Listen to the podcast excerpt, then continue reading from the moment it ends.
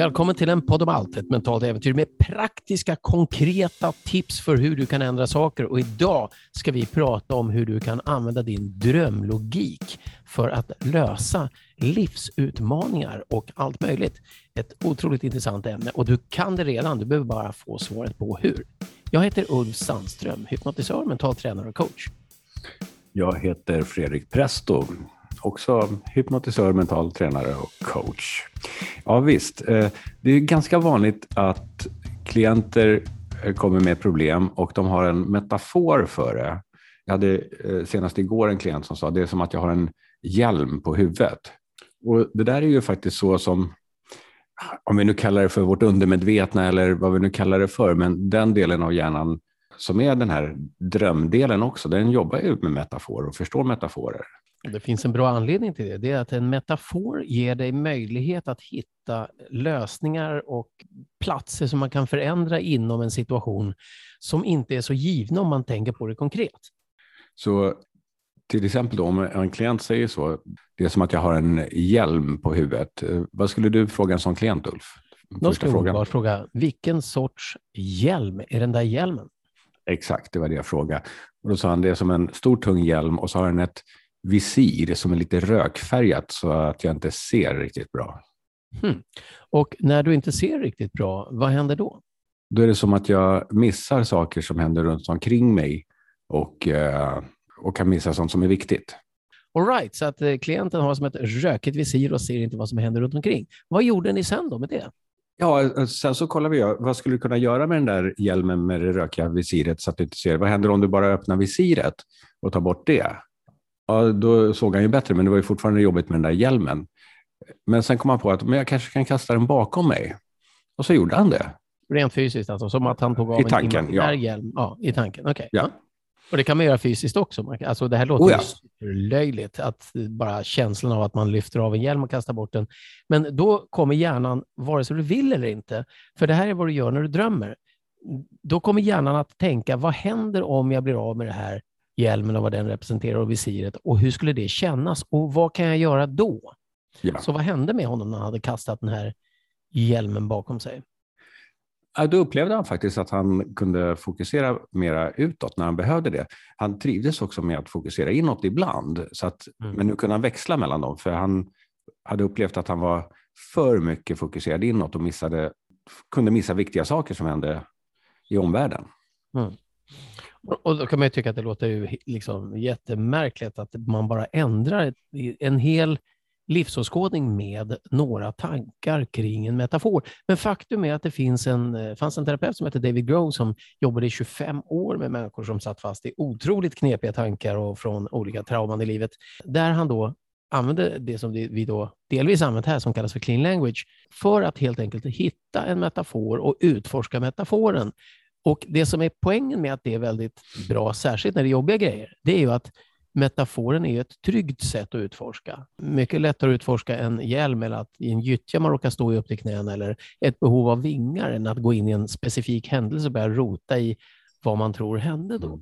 Och det kan ju, det kan ju låta nästan lite för enkelt, men faktum är att de här metaforerna, om man ändrar dem, det, det brukar göra det, vi har ju pratat lite om det, det, det är sånt här som kan liksom göra en livsförändrande förändring på bara några minuter, att man ändrar en metafor.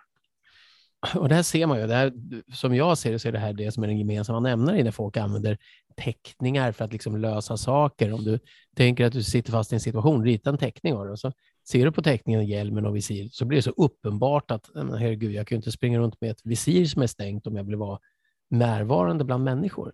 Men hur kan man, om jag nu som lyssnar på det här tänker, ha tack Fredrik och Ulf, jättebra. Eh, hur ska jag utforska mina metaforer då rent praktiskt? Då kan du bara tänka efter om, om du har något problem till exempel som du eh, upplever som en metafor. Det är väldigt vanligt att klienter säger till exempel, jag har som en klump i magen eller en, en, en sten i bröstet eller något sånt där. Så då kan du utforska den och fråga dig själv, vilken sorts sten är den stenen? Finns det något mer med den här stenen?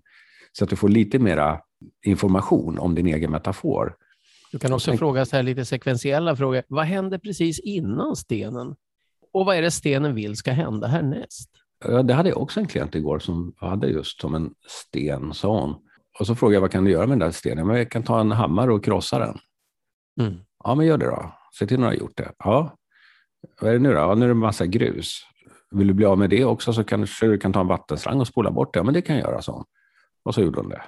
Jag har också frågat många gånger klienter, om, vad är det då? Det som är sten i magen, vad är det för yta? Skrovlig, slät, mörk, ljus, vad är det för material? Vad är motsatsen till det materialet? Ja, det är en mm. fjäder. Vad skulle hända om du hade en fjäder i magen istället? det skulle vara jättebra. Och det lustiga är att det, det, är oftast väldigt enkelt. Det är bara det att när man är fast i den där metaforen så tänker man inte på att det går att ändra den, men oftast är det väldigt, väldigt lätt att göra.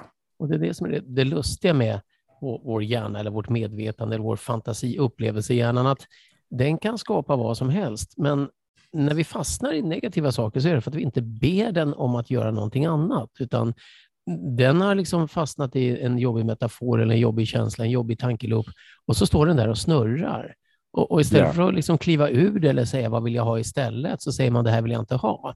Så man kan alltid fråga sig, vad är motsatsen av det här? Om, om det här var någonting, många som har liksom som ett tryck över bröstet, eller en, då brukar jag fråga, är det ett tryck utifrån eller är det som en hand som kramar hjärtat? Ja, då säger vissa, ja, men det är en hand. Jag har en manshand eller kvinnohand och plötsligt stannar de upp och säger, shit, det har jag inte ens tänkt på. Men det är faktiskt en, en man. Ja, men är det en vuxen man eller, en, eller en, är det ett barn? Ja, det, är en, det är en vuxen man.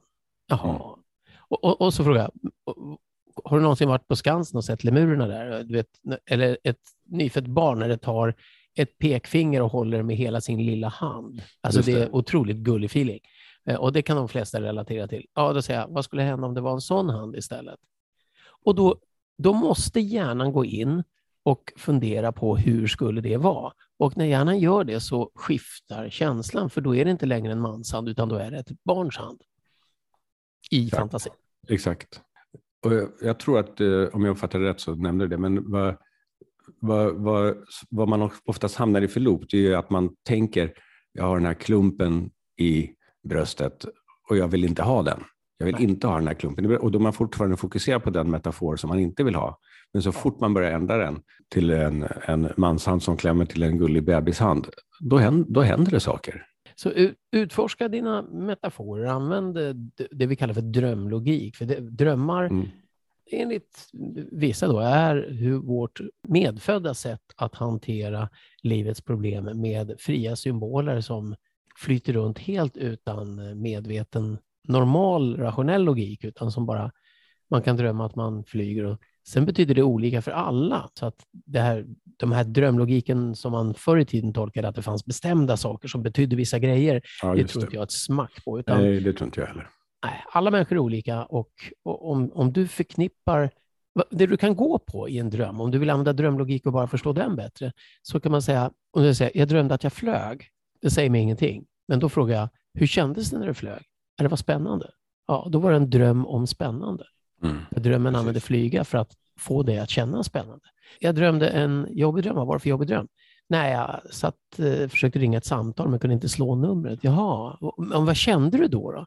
Nej, jag kände, uh, jag kände en slags press över att prestera. Jaha, men då är det en dröm om press att prestera. Och det är mm. inte krångligare än så.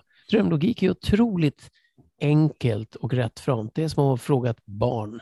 Ja, där har vi det lite grann. För att, eh, jag brukar säga, apropå hypnos, då, att vi vuxna behöver hypnos för att kunna använda fantasin så som barn gör naturligt. Ja. Så att det, allting som skiftar gör att hjärnan skiftar, kroppen skiftar, allting skiftar när din metafor skiftar. Ja. Så utforska drömlogiken. Sen en annan kul grej du kan göra, det att, eller kul och kul, det är att du kan, om du har en sån här utmaning, något du ska lösa eller något du försöker komma på en kreativ utväg ur eller till, då kan du bolla de tankarna lite innan du somnar. Inte då nödvändigtvis problemtankar, men säg att du ska vill lista ut hur du ska bygga om skafferiet. Ja, men fundera på ett skafferi och så låt tankarna flyta iväg. Och sen så när du drömmer så är det inte helt orimligt att det kommer lite flummiga drömlogiska lösningar. Så att när du vaknar så har du nya idéer och tankar om det där. Mm. Och det är, det är känt fenomen. Ja, det här är alltså grejen. Drömlogik, super otroligt spännande och enkelt. Alltså om vi ska sammanfatta alltihopa så är det bara att säga att eh, du kan använda, googla clean language om du tycker att det är, det är en metod för att hitta metaforer. Eller så bara utforskar du dina metaforer bildligt talat, alltså Exakt. bokstavligt talat. Bokstavligen bildligt talat. Ja, och eh, självklart får du gärna dela den här podden med alla dina vänner.